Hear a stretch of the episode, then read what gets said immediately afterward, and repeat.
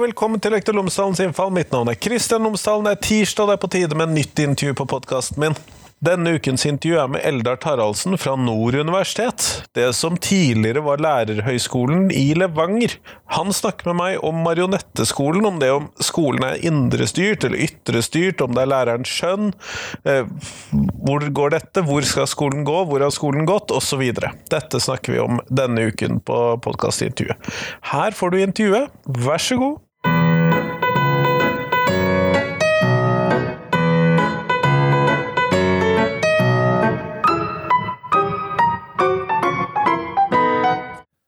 Eldar Taraldsen, tusen takk for at jeg har fått lov til å komme og besøke deg i dag. Veldig hyggelig og litt overraskende at, du, at fikk, vi fikk den henvendelsen, jeg og min kollega. da, at du, øh, jeg, har jo, jeg vet jo hva en podkast er, men jeg har aldri deltatt i en podkast. Men litt radio har jeg deltatt på. Men hjertelig velkommen. Trivelig. Eh, før vi starter selve intervjuet, kunne du ha fortalt lytteren min tre ting om deg selv, sånn at vi kan bli litt bedre kjent med deg før vi starter? Ja, jeg er 54 år. Og så noe som jeg fort ikke har sagt til deg på forhånd her, men jeg har sju barn. Sju barn! Sju da barn, har ja. du flere enn meg. Det er ikke så ofte. Ja, og det er det beste jeg har gjort i livet. Det, det er fortsatt det beste jeg har gjort i livet. da. Og så er jeg litt glad i musikk. Eh, Bob Dylan eh, nevnte jeg nå tilfeldigvis. Eh, og like når jeg underviser på lærerutdanning, som jeg gjør, har jeg sagt det også, så hender jeg tar med gitaren. Jeg tror at sang og ja, eh, musikk det er viktig i norsk skole. Det blir det dessverre mindre og mindre av. Det ser sånn ut. Nå har jeg sagt fem ting. Ja, men eh, det, det går helt fint. ja. Grunnen til at jeg har kommet for å snakke med deg eh, i dag, er jo denne boken som du og kollegaen din har eh, satt sammen. Og jeg syns jo tittelen er veldig spennende her, med Marionetteskolen. Og da lurer jeg selvfølgelig på, hva er det dere mener med det? Ja, det, vi var jo på utkikk etter en tittel som kunne være dekkende på en måte for eh, innholdet i boka. Det, det er det nok helt sikkert ikke, for at det og det noe med at det er en antologi. Eh, Vi har fått med oss en gjeng rundt bordet som Men utga det kan jeg si at utgangspunktet for boka var eh, et tema, en liten artikkel eller et essay vi skrev tre år tilbake som het 'Pedagogikk og mekanikk'. Og da var temaet indrestyrt skoleutvikling eller ytrestyrt skoleutvikling. Eh, Og vi har jo over mange år erfart at den norske skole i tiltakende grad blir mer og mer ytrestyrt. Altså hver enkelt skole får litt mindre eh, å si for sin egen utvikling. Det er en veldig sentralstyrt utvikling i norsk skole. Eh, Før trodde jeg egentlig at det var styrt fra Oslo, men, men eh, det siste året så har jo jeg og min kollega som jeg jobber mye sammen med, Endre Kanestrøm, eh, oppdaga det at egentlig så er det ikke en nasjonal styring lenger. Er en, eh, vi er, er med på en slags sånn globaliseringsbølge innenfor utdanning. Der egentlig skolepolitikk i sterkere grad styres fra OECD eh, og, og internasjonale trender. Så, så, så eh, norske skolepolitikere, som vi ofte har sagt er forstyrrende, de har på en måte sluppet handa på rattet og overlatt styringa til noen andre. Noen andre. Og det, eh, vi vet ikke hvem det er, vi vet ikke hvilke personer det er. Vi bare vet at det er noen organisasjoner. Det er et, et helt sånn ansiktsløst styre av norsk skole. Da. Og det, vi syns det er veldig urovekkende, eh, uten å ta i for mye. da. Så dette er altså de styringssignalene om hva som er en god skole, som kommer da fra OECD, som da dere tenker på? Ja, Og sikkert andre steder enn OECD også, men Ja, absolutt. Eh, Det er eh, Verdensbanken eh, har hatt noen små fingre med herre ved- ja, FN har skole Ikke en skolepolitikk, men har ideer om hvordan skole skal drives. Og innenfor eh, ja, multinasjonale selskaper har jo òg begynt å holde seg med liksom litt sånn skolepolitiske dragninger. Så, så i hvert fall den norske innvirkninga er på en måte tatt bort. Og det som er ikke tatt bort, men uh, tona ned. Jeg vil ikke si at det er tatt bort, det blir feil. Men det som er interessant, er at vi fortsatt, vi som jobber i norsk skole, vi tror at norsk skole styres av opplæringsloven. Paragraf 1-1 i opplæringslova. Og juridisk så gjør han det, men i praksis så har vi på en måte fått en skole der opplæringslovas ideer forsvinner mer og mer inn i skyggene. Så det, det For opplæringslovas formål er på en måte veldig eh, humant. Det er en human filosofi for norsk skole. Men så er det den positivist, positivistiske antihumanisme som holder på å ta over butikken i skolen. Eh, og nå, nå setter jeg opp litt sånn tydelige ja, Jeg setter litt sånn skrått lys på ting for å få fram konturene. rett og slett. Jeg, Uh, og her er ikke noe nytt. Uh, norsk skole var ridd av litt de samme tankene på 1950-tallet spesielt, kanskje, og før vi fikk uh, den normalplanen i 1939, den første norske læreplanen, så var det òg veldig sånn det vi kalte puggeskolen. sant? Det var veldig formant hva du skulle lære deg, og du skulle hjem og pugge det, og så skulle du resitere det for læreren når du kom på skolen. Den skoletenkninga er vi litt tilbake til i dag, etter vi fikk det ordet som jeg kjenner at jeg blir litt sånn rar når jeg sier, kunnskapsløftet.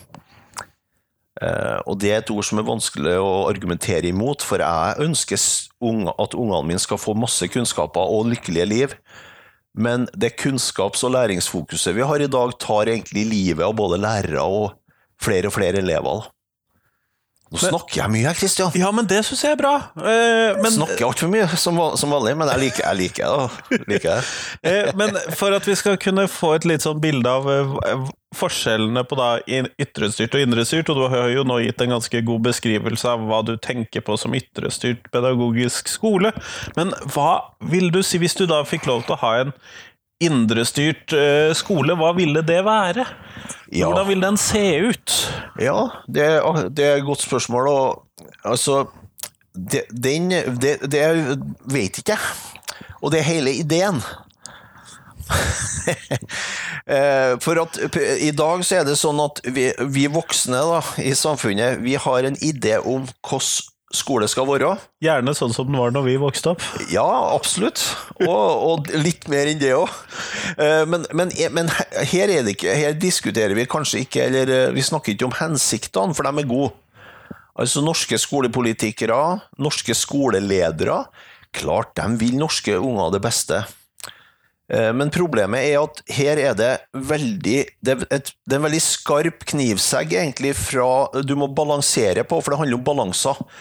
Altså, og det å, det å, drive skole det handler om en viss porsjon frihet, og det handler om en viss porsjon styring. Altså Når vi nei, si, eh, institusjonaliserer opplæring altså, Vi kunne ha tenkt at vi har bare lagt ned skolen i Norge, sant? og så har foreldre fått tatt seg av opplæringa av unger. Organisere det på bygdevis og i nabolag og Ja, begynne fra scratch, liksom. Det er jo en litt sånn eh, Pol Pot-tanke som vi ikke jeg vil ha, i hvert fall. Jeg, jeg liker, liker, jo norsk skole og syns eh, Og vet Jeg fer mye rundt i skoler her i Trøndelag. Og jeg, heldigvis så, så ser jeg det at det er mye varme i norsk skole. Det er mye gode lærere. Men så kommer det en del tiltak jeg kan nevne i siste åra de ytrestyrte tiltak, bare for å eksemplifisere. Da. Det er vurdering for læring, klasseledelse og det siste store innsatsen nå som alle norske politiske partier konkurrerte om å ha eierskapet til under forrige stortingsvalgkamp tidlig innsats. Og hvem kan argumentere mot tidlig innsats? Og det er til og med forska på at hvis du Sett inn tidlig innsats, så får du mindre frafall i videregående. Ja, men da kan Eldar Taraldsen, da kan jo ikke du gå imot det, for vil du, ha, vil du, at vi skal ha stort frafall i videregående? Nei, jeg vil ikke det.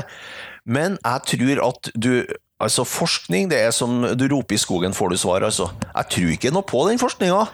Jeg tar meg den friheten, jeg er over 50 år. Og, eh, for Tidlig innsats, har, altså, hvis vi skal se hva det har ført til allerede nå, så tidlig i løpet, som jeg sier, eh, at vi har hatt det i så kort tid, den, den innsatsen Jo, annet i det, det, nye nå, det at vi skal få læringseksperter i norsk barneskole. Vi skal få eksperter på begynneropplæring i norsk, på begynneropplæring i matematikk, og i engelsk kommer til å komme i hvert fall ganske fort. Eh, for jeg står med begge beina i lærerutdanning, så jeg har litt sånn innblikk i utviklinga der. Eh, og da blir det sånn at eh, når jeg starta på skolen, så var det et mål om at vi skulle lære oss å lese i løpet av i hvert fall de fire første åra på skolen. Men nå, hvis du ikke kan å lese når du går ut andre klasse, da er du sju-åtte ja, år, så er det tidlig innsats så ligger det en slags incitament på at elever som ikke lærer seg å lese i løpet av det helst det første året på skolen bør du lære deg, men hvis du ikke har lært deg å lese i løpet av andre klasse, andre trinn, så blir det ofte satt inn tiltak. Og Der òg er det gode hensikter, for du ønsker at både Ole, Ole, og Kari og Per skal lære seg å lese så fort som mulig. For lesing er selvsagt helt grunnleggende for å klare seg i For å henge med på løpet? Ja, for det, det, det, det, berører alle fag og all undervisning og, og alt vi driver med i skolen. egentlig. Så, så lærere har jo visst i flere hundre år at det å lese er viktig.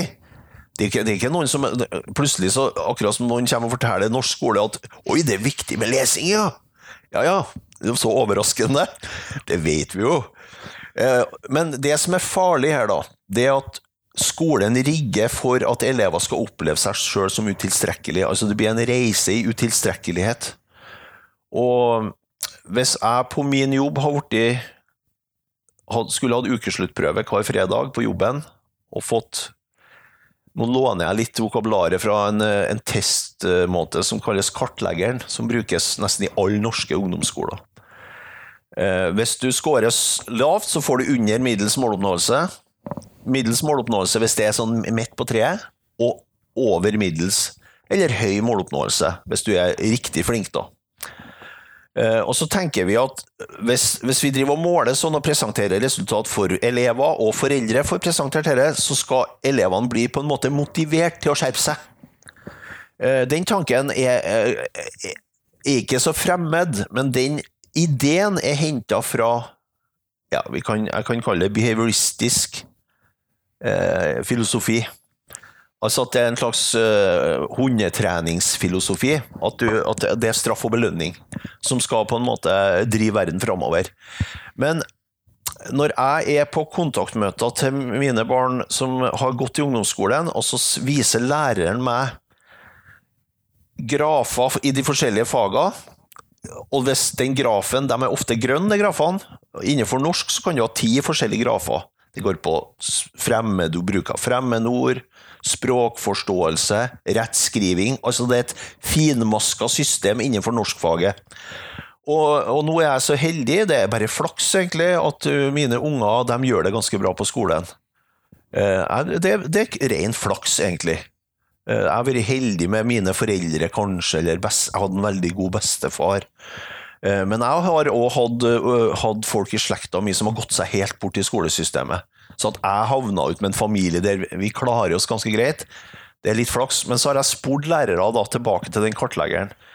Enn, når det kommer en elev her, sier jeg, med sin far, og så er alle disse søylene veldig lave. Og så er det en sånn rød strek ganske høyt opp der. Hvis du, den som viser middels? Ja, ja det, det, er det, det, er det middelresultatet for norske elever.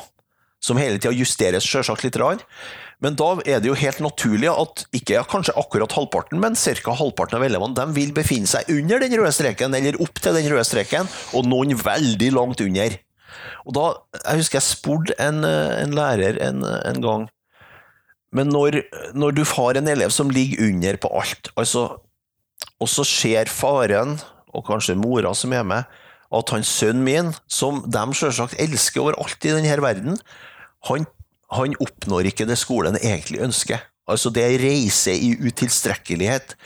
Hvilke følelser er det som vekkes i kroppen på den faren og den sønnen? Hva tenker, tenker de om norsk skole? Altså Det er en plass som ikke anerkjenner sønnen min. Han får ikke holde på med noe som han egentlig kan. Det sitter en gutt, han er, har vanlig hjerne, han snakker, han kunne jo snakke før han begynte på skolen. Han kunne jo han kunne være god før han begynte på skolen. Han hadde alle muligheter, og så møter han et system som tramper på han. Altså, Han ydmykes i møte med et sånt system. Og dere sett, og, og, og hun, Læreren jeg snakka med, hun var enig. Og hun sa vi diskuterer det på, på lærerrommet, at dette er ikke greit. Men vi, noen har bestemt at vi skal holde på sånn. Så, så uh, in initiativet til å begynne å diskutere det med ytre og indre styrt, det at lærere sitter og kjenner på at de tramper på å ydmyke elever, men allikevel så fortsetter det. For at de føler seg maktesløse til å stå opp imot et ytrestyrt system som sier at dette er lurt. Altså OECDs anbefalinger er økende testing og offentliggjøring av testene. For å presse folk til å Altså, det er en sånn eh, ja, en, en formant motivasjon, nærmest. Eh, Og det, det er sånn, eh, I forhold til norsk opplæringslov, da, som, vi, som jeg nevnte tidligere, her, så, så er jo dere helt, eh, det er jo helt motsatt av det opplæringsloven sier. Dere skal møte elevene, elevene og kandidatene, som det står, skal møtes med tillit, respekt og krav, står det i, i sjuende ledd i opplæringslovens formål. Og hvis det er respektfullt å fortelle en ung gutt eller en ung veit at du er ikke bra nok, du er ikke flink nok, da, da må noen komme og definere ordet respekt på nytt for meg, altså, for det, det er så respektløst som det går an. Og så er det jo et eh, generasjonsperspektiv i dette, fordi at eh, statistisk sett så vil det jo være sånn at de foreldra som da kommer inn med disse som yter under middels, vil jo ofte selv ha ytt under middels i skolen også. Ja. Det, det er nesten en sånn familiehistorie i utilstrekkelighet, det. Det er det er en, det, er en sånn kjede det, det, altså, Skolen har jo et fokus, det er ganske interessant det du spør om der, syns jeg. For, for skal, det står jo faktisk i læreplanverket for norsk skole at vi skal utjevne sosiale forskjeller, blant annet. Mens den økte testinga, den forsterker faktisk de sosiale forskjellene. Så det er et, det er et sånn tusenkronersspørsmål, egentlig, det. Det du stiller der. Så det er interessant.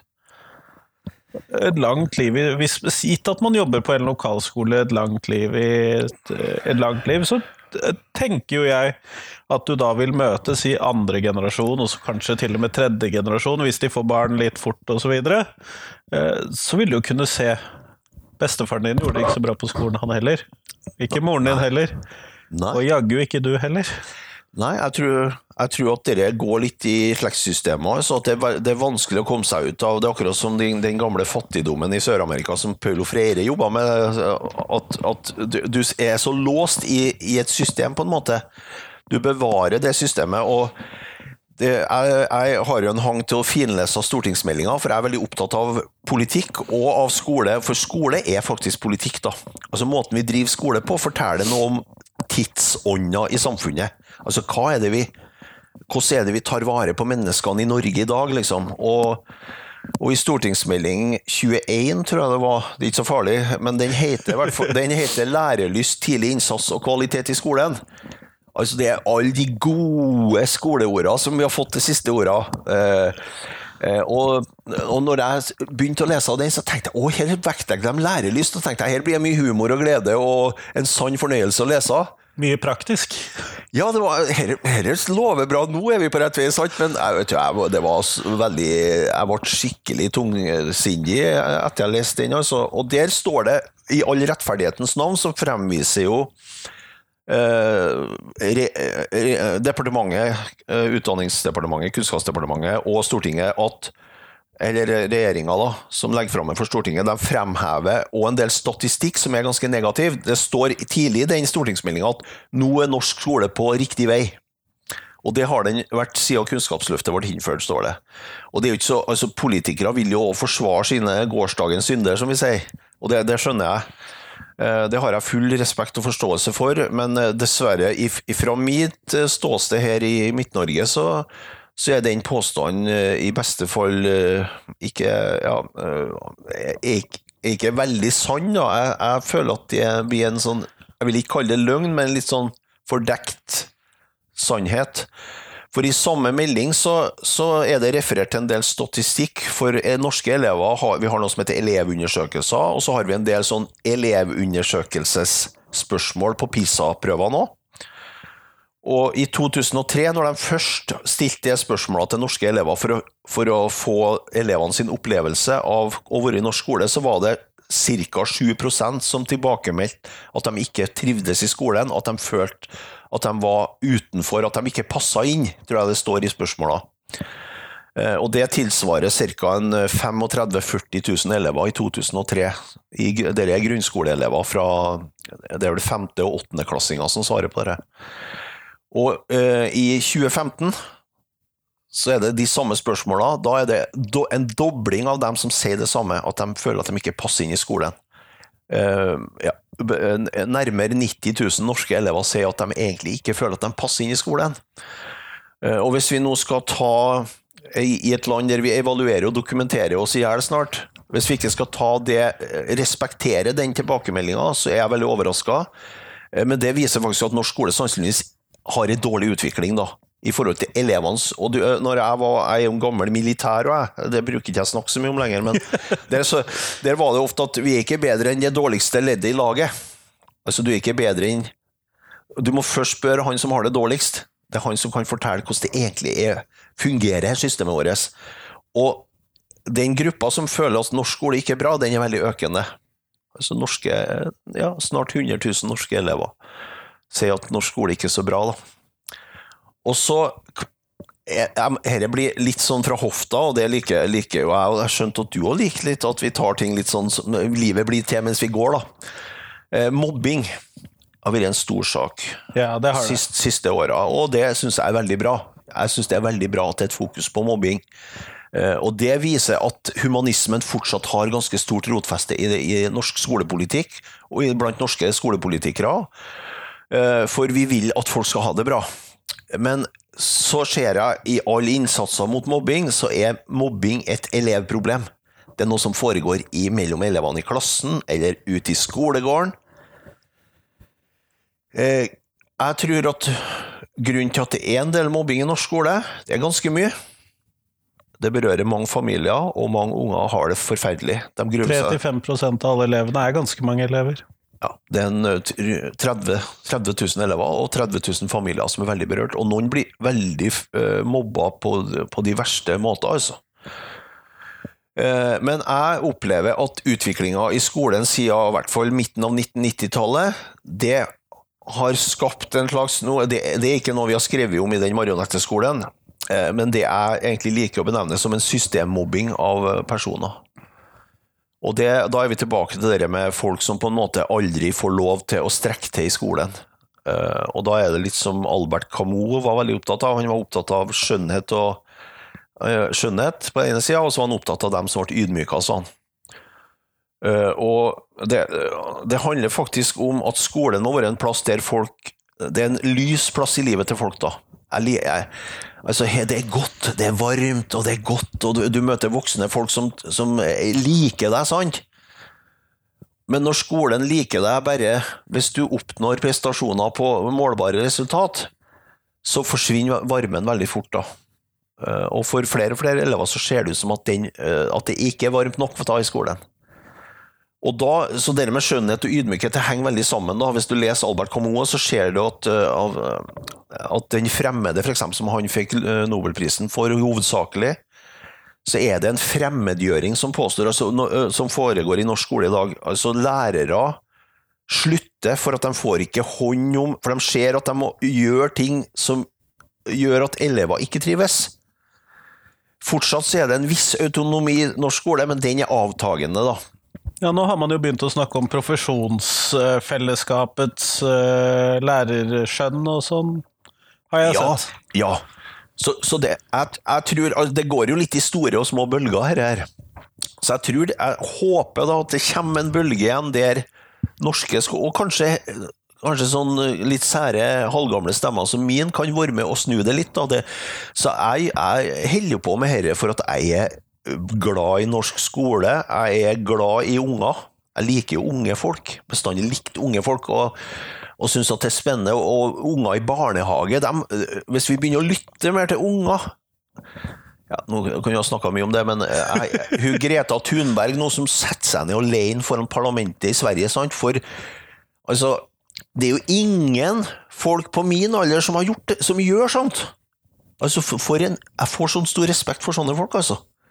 Ei ung dame som, som ikke har vært noe mye ute i verden, men så har hun sittet på rommet sitt og så har hun sett og lest ting, og så har hun, skjønt at her er det noe rav ruskende galt, liksom. Og så gjør hun noe med det. Så, så det, det, Jeg har jo veldig håp for framtida. Når jeg ser unge folk, så tenker jeg at dette skal vi da pinadø få gjort noe med, altså. Det humørløse pedanteriet som holder på med i skolen nå, det, det, det er jo så tragisk. Så jeg blir, jeg blir nå ble jeg skikkelig engasjert. Du ser, du ser det på meg òg!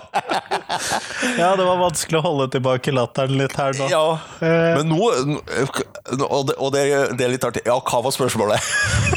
Det er jeg litt usikker på, faktisk jeg òg. Men jeg tenkte at jeg ville over på marionettskolen igjen. fordi at eh, noen norske skolepolitikere, når de skal da prøve å definere hva slags skole de vil ha, så ser jo de da veldig ofte til Finland.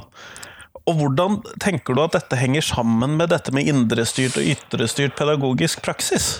Ja, det, det du, du, Men du, vi er jo lærere begge to, vi, så dette har, vi, her vi sett oss litt inn i. Det hører jeg når vi snakker nå. Det er veldig artig. altså. Jeg tror du vet mer, mer om dette enn meg, du, vet du. Uh, og så Tilbake til Finland, ja. Altså, det er en litt sånn artig greie som jeg har sett, da. Uh, men verden er jo full av litt sånn komiske ting. Men uh, Finland har jo kommet ut på PISA-målingene. Når de måler naturfagsferdighetene til til land innenfor OECD-området, og noen få land utenfor som har hivd seg på PISA-testinga, så har jo Finland kommet veldig godt ut, spesielt i, innenfor science, da, innenfor naturfag. Eh, og da, eh, vi som har mest penger i verden, og som ønsker å ha verdens beste skole, som er et eh, veldig hårete mål, og et bra mål på mange vis, har jo sendt delegasjoner til Finland. da både skoledelegasjoner fra, fra lærerutdanninga Vi har kontakt med folk i finsk skole. Og vi har òg ansatte på Nord universitet som òg jobber i universitetssystemet i Finland. Men når jeg ser norske skolepolitikere som er på besøk på en finsk skole, så, uh, så tar de med det ideene eller den skolefilosofien tilbake, så skal liksom det spres i alle norske skoler. Men da er det en slags stor misforståelse som har skjedd, enten om det har skjedd på tur hjem på flyet, jeg vet ikke, eller på flyplassen. Når det skjedde, eller i pølsebua, akkurat når du må ta deg pølse, så, så var det noe som de har gått glipp av der. Og det er at finsk skole er jo organisert veldig indrestyrt. Eh, det er ikke noen nasjonale føringer som er så sterke sånn som vi har i Norge. altså sånn som Nå skal alle finske skoler ha holdt med tidlig innsats eller vurdering for læring, eller nå skal alle lærere gå på eh, klasseledelseskurs. Nei, det som har skapt finsk skole, det er at de har hatt masterutdanning for lærere helt siden 70-tallet. Uh, høyt utdannede lærere. Det er veldig vanskelig å komme inn på lærerutdanning. Det har en veldig status og ganske god lønn. Lærere er godt avlønna. Altså, de har løfta læreryrket og skolens status gjennom forskjellige grep. Og så, i erkjennelse av at lærere har god utdannelse, de vet hva de holder på med, så har noen finske skolepolitikere holdt liksom fingrene av fatet og sagt vær så god, driv skolen i eh, Kovrvajoki i Ume, nei, no, Ume, og det er jo Sverige, men i Vasa, i Helsingfors. Altså, dere driver skolen deres. Og så har du fått utvikla litt forskjellige skolekulturer i de forskjellige områdene av Finland, som er ganske ulike.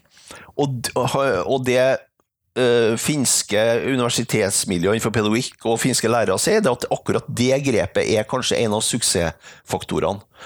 Så, så, da må norske skolepolitikere, hvis de skal på en måte lære av Finland, så må de begynne å holde fingrene av fatet. Sannsynligvis. Et eller annet der. Eh, så, så du, hvis du først skal lære av Finland, så må du virkelig gå inn og se hva er det grunnleggende de gjør annerledes. da.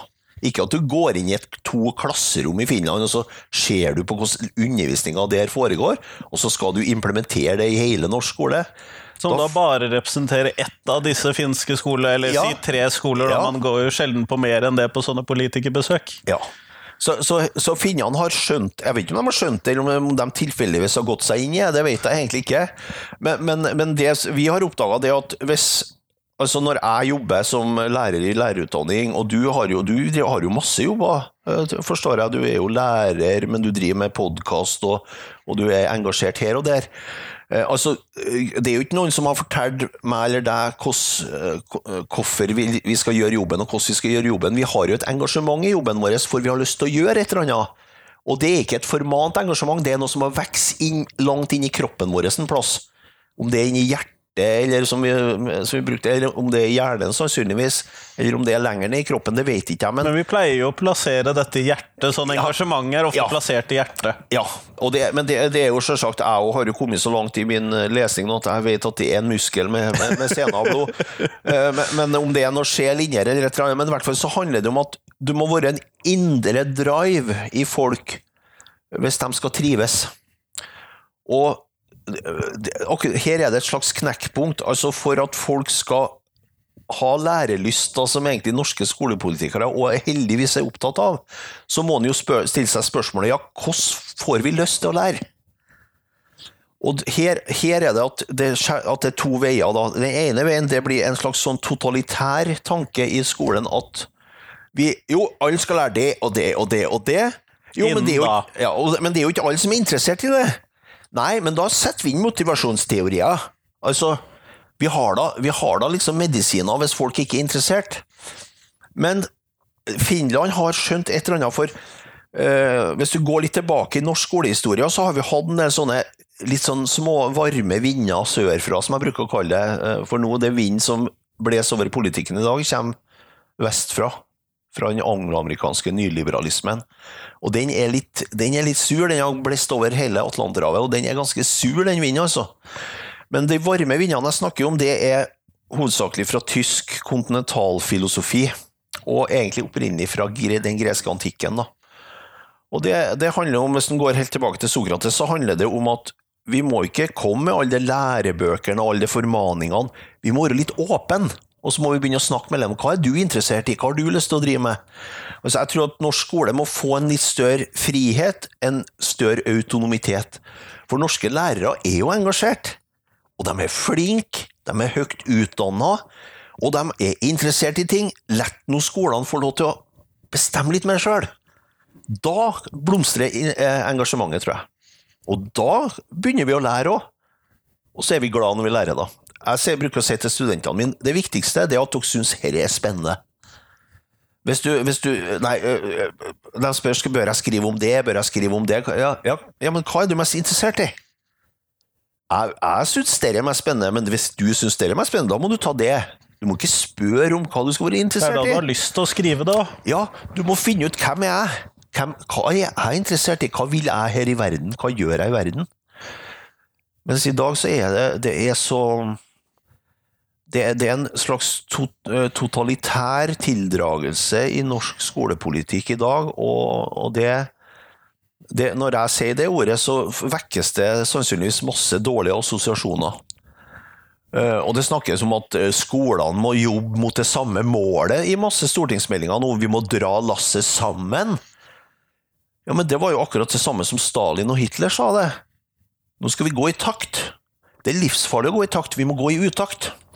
Vi må gå i så utakt som mulig. Det, jeg synes det er, kjempe, det er kjempealvorlig og farlig, altså.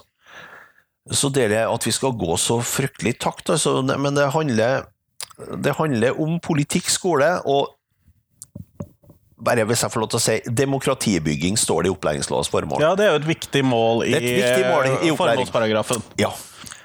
Og da må vi jo i hvert fall la skolen være en demokratisk organisasjon. Altså Det må være ganske demokratisk i skolen, da. Og demokrati handler om, det står det jo direkte i opplæringslovens formål, medvirkning, medansvar, Elever skal få være skapende. Elever skal få oppleve verden.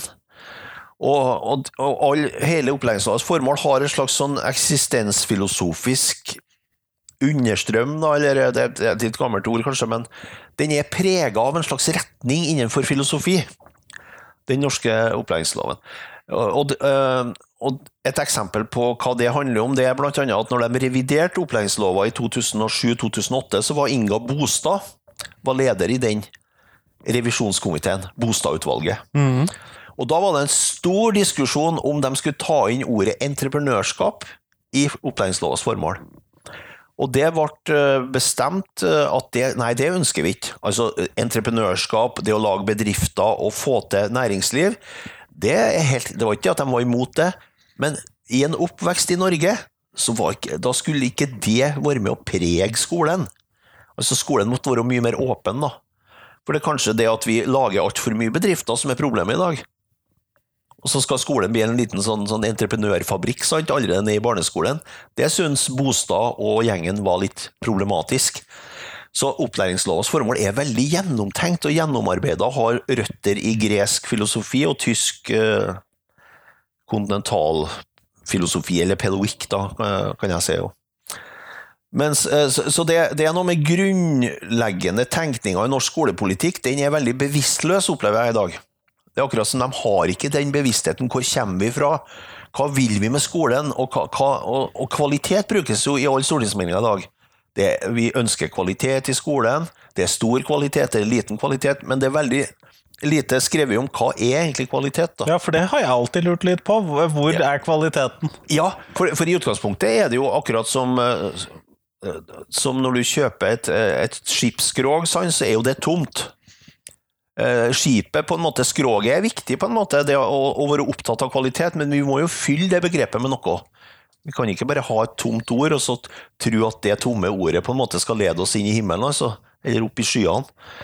Eh, Så jeg opplever at, eh, at ord som kvalitet og robusthet og styrke og alle de flotte ordene som, som surrer rundt i stortingsmeldingene, det blir som sånn dårlig fluesur altså en sånn augustdag her, at du sitter og vifter på vifter bort, liksom.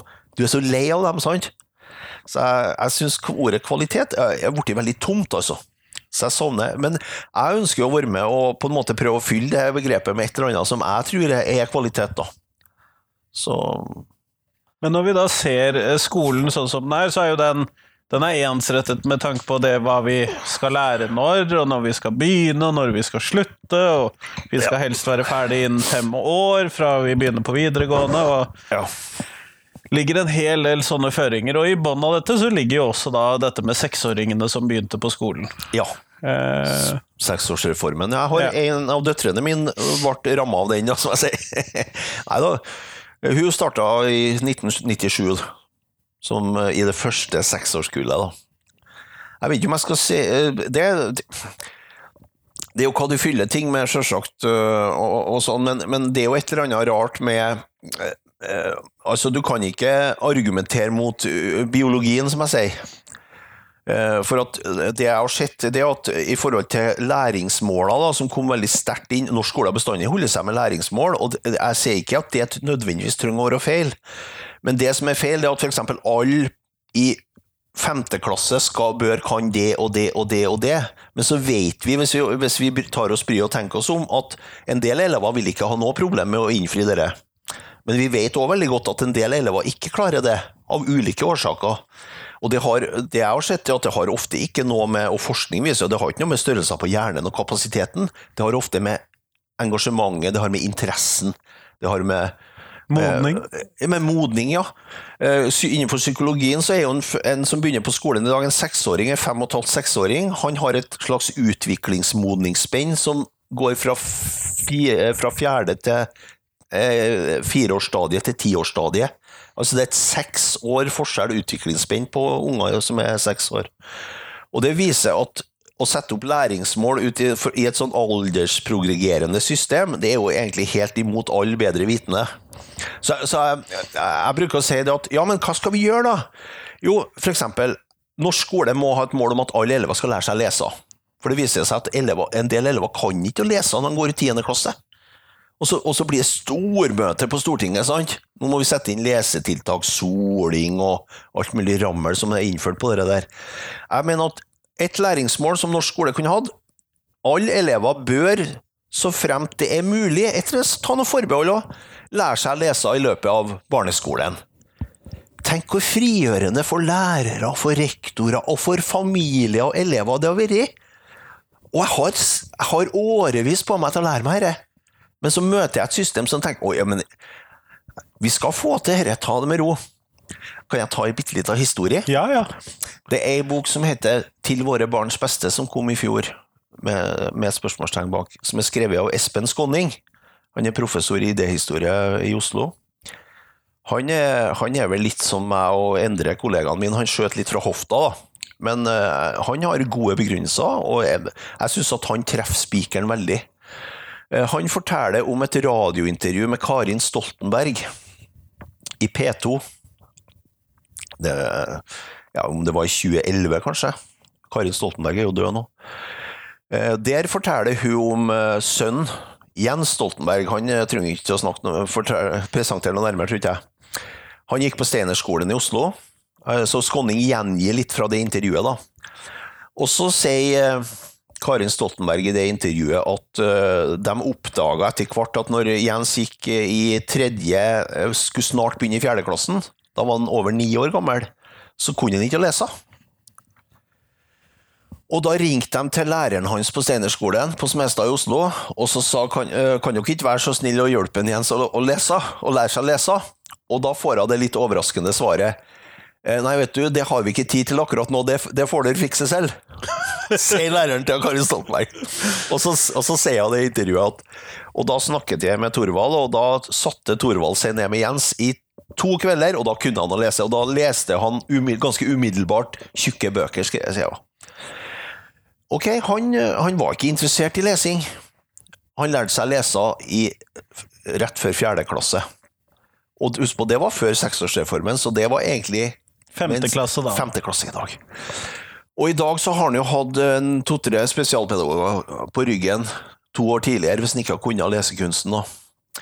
Og så sier jo Skåning da i boka 'Til våre barns beste' spør- spørsmålstegn, at, eh, at det gikk jo rimelig greit med Jens Stoltenberg. Han ble jo leder i AUF og i Arbeiderpartiet. og statsminister i Norge og ble generalsekretær i Nato, så det gikk jo ganske greit. Han fikk jo seg jobb, gutten.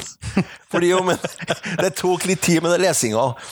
Og jeg tenker det historien forteller at skolen, læreren til Jens Stoltenberg, han hadde et ganske avslappa forhold til dette. Nei, ja, men, ja, Han hadde ikke tenkt på det at han ikke kunne lese ennå, han. Nei, Vi holder på med så mye andre spennende ting, så dere tar vi senere. sant? Det er en sånn, det sånn raushet på en måte i den livsholdninga overfor unge folk. Og den rausheten er i dag i ferd med å bli erstatta av en, det jeg kaller en sånn humørløs, pedantisk tilnærming til unger. Og det er ingen som blir glad av å bli eh, formana, eh, tror jeg, da.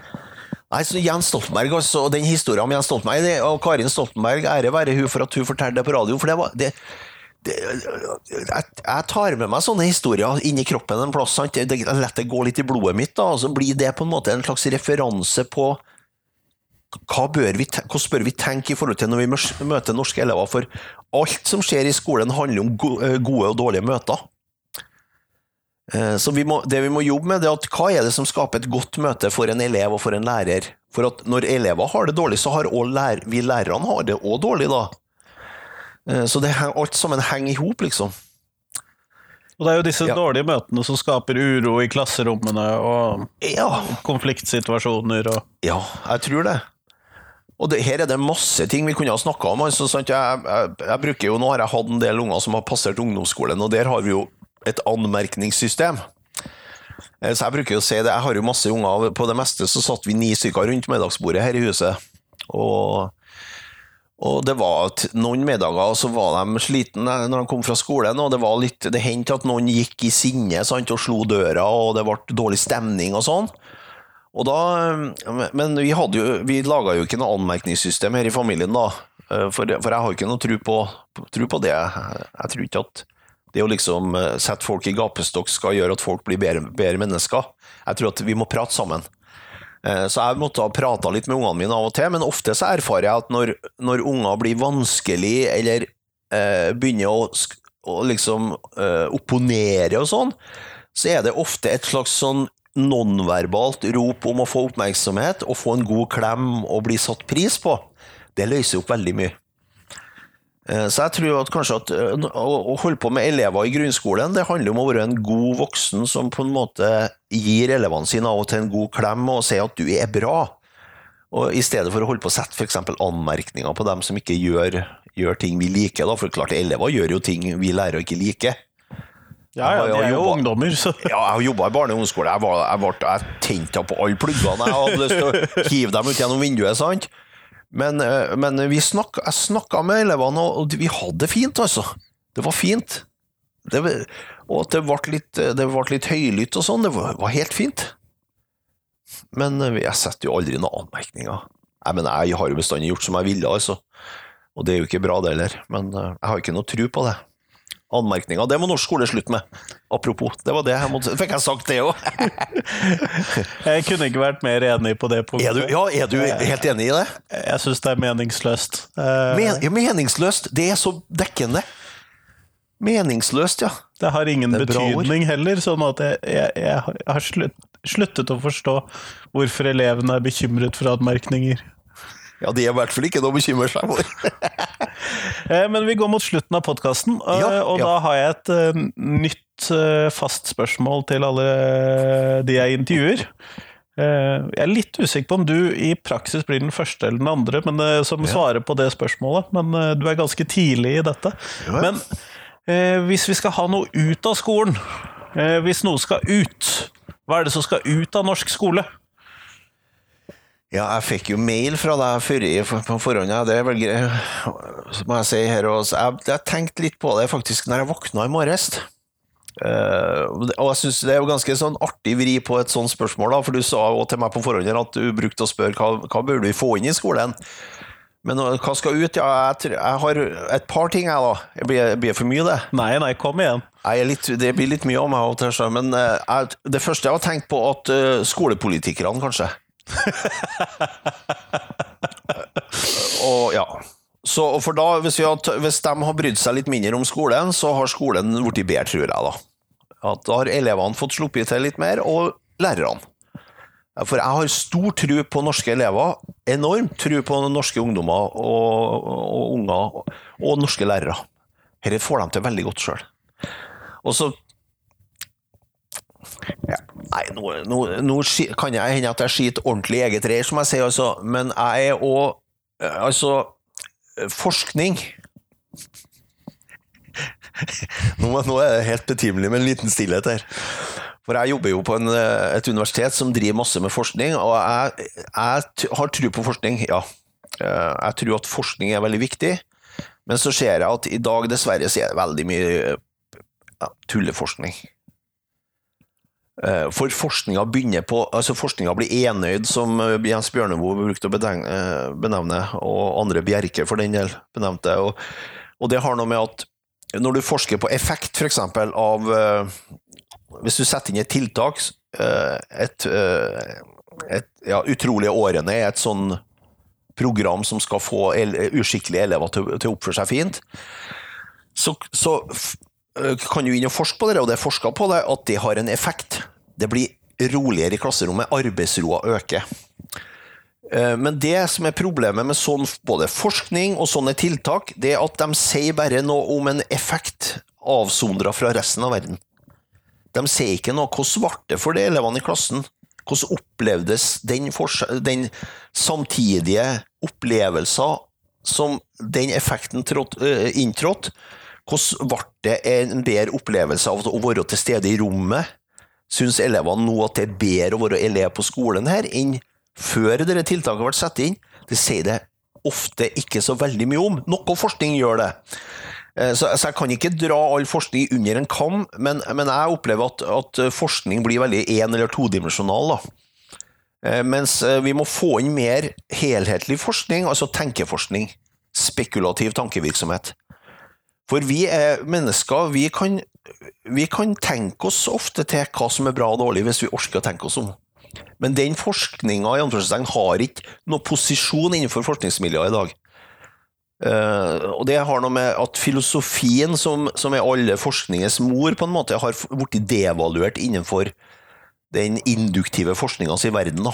Og det har noe med hele vitenskapshistoria i Europa, egentlig, det der. Det er ganske store ting, så det kan ikke jeg si noe mye mer om. Men, men, vi, men vi må begynne vi må også tørre å sette et kritisk blikk på hva er, hvordan forskning er det vi driver. For ofte så er det bare antall publikasjonspoeng som er interessant i dag. Det er ingen som spør hva du forsker på, egentlig, så veldig mye. Ikke så mange som er interessert, det er bare du, det. Eh, Det er bare om å produsere, liksom. Det har også blitt en sånn samlebåndsproduksjon det med forskning. Eh, Jeg er mer interessert i folk som setter ting i sammenheng, da. Eh, Og det er det en del forskere som gjør i dag og heldigvis. Ja, men jeg jeg holder en knapp på skolepolitikerne, må vi få kasta litt mer ut av skolen. Kjempeflott. Da blir det bedre. Tusen takk for det.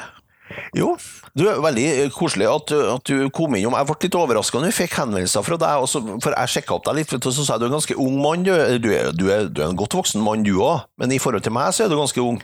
Og jeg, jeg tenker at det er så bra at du holder på med dette. Det må du, dette må du fortsette med. altså. Det blir lagt merke til dette her, altså. At, at du holder på med sånne ting. Jeg tenker det står seg veldig til truende. da. Så dette må du fortsette med. Tusen takk for det. Ja.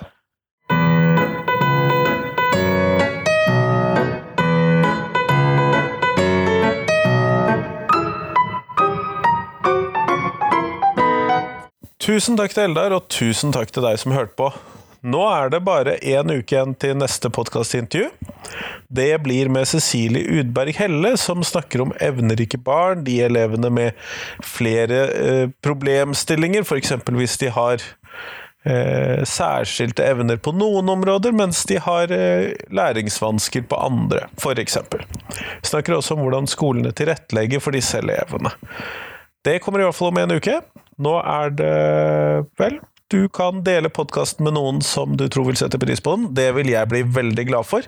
Og jeg sier på forhånd tusen takk, så håper jeg at du deler den med minst tre stykker. Så flere får hørt på podkasten. Jeg blir kjempeglad. I hvert fall til fram til neste uke. Ha en fin uke. Hei, hei.